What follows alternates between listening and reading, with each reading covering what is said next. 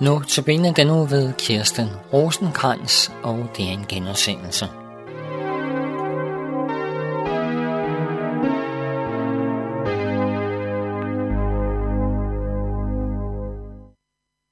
Og vi skal nu øh, fortsætte med de andagter fra Sarah Young, Jungs øh, andagsbog Jesus kalder.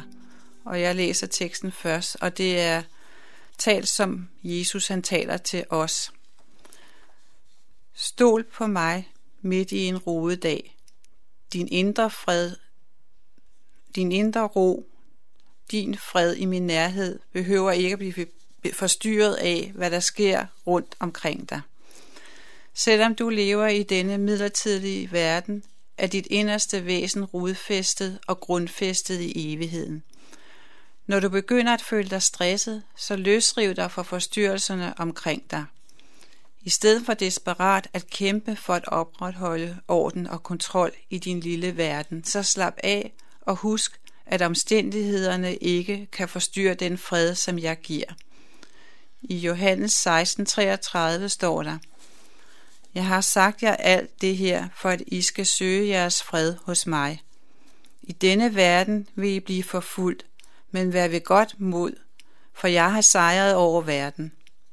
I salme 105, vers 4 står der, Søg hjælp hos Herren og hans styrke, hold jer altid til ham.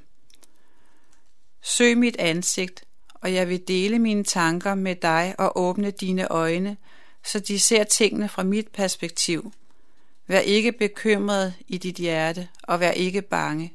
Den fred, jeg giver, er nok for dig. Og i Johannes 14, vers 27 står der, jeg giver jer min fred, og det er en bedre fred, end den mennesker kan tilbyde. I skal ikke være bange eller modløse. Og jeg vil nu komme med de refleksioner, som den her tekst giver mig. Hvor ofte kan vi ikke blive forstyrret af alle de ting, der sker omkring os. Det kan være svært at lukke af for alle de ting, vi synes, vi skal følge med i. Det kan være nyhederne, mails fra vores computer, eller måske sms'er fra vores mobiltelefon.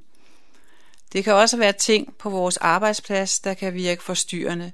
Det kan være nogen, der afbryder os for at fortælle os noget, som de har opsnappet omkring en anden kollega. Noget, som vi ikke har lyst til at lægge øre til, og som er svært at sige fra overfor.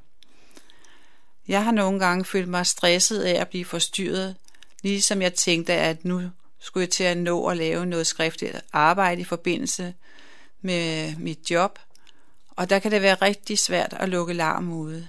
Og jeg har nogle gange tænkt, hvor kan jeg gå hen for at få ro? Og der har jeg egentlig øh, gået væk fra det fælles kontor, vi er på, og søge ud, hvor der ikke kom andre. Og her er jeg så kunne bede til Gud om hjælp og finde ro til mig selv midt i al larmen. Og det er rigtig vigtigt for mig at få mulighed for det, for ofte så glemmer vi, at Gud han faktisk taler til os igennem den ro, der kan komme. Det er ganske rigtigt, at når jeg er stresset, så forsøger jeg at skabe ro og overblik ved at systematisere, holde orden på tingene omkring mig. Og jeg kan huske, da vores børn var små, der skulle jeg bruge masser af tid på at rydde op i vores stue, efter børnene var lagt i seng. Og jeg synes, det var rigtig vigtigt at rydde op.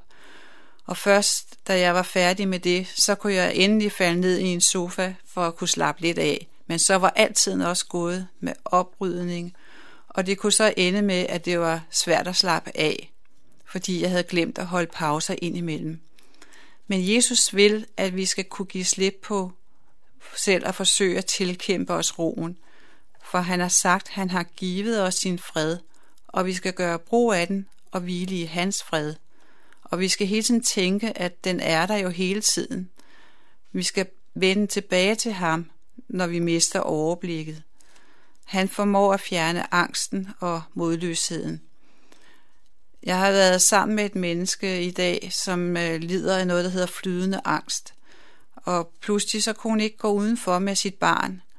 Og jeg måtte sige til hende, at hun skulle prøve at tænke på, at hun var ikke alene, at jeg var sammen med hende, og jeg var i relation til hende og hendes barn, når hun skulle udenfor. Hun skulle hele tiden huske, at hun ikke var alene, og det lykkedes faktisk for hende at være udenfor sammen med barnet, og jeg blev hos dem imens. Hun fik ligesom sit fokus rettet væk fra den angst, som fyldte hende.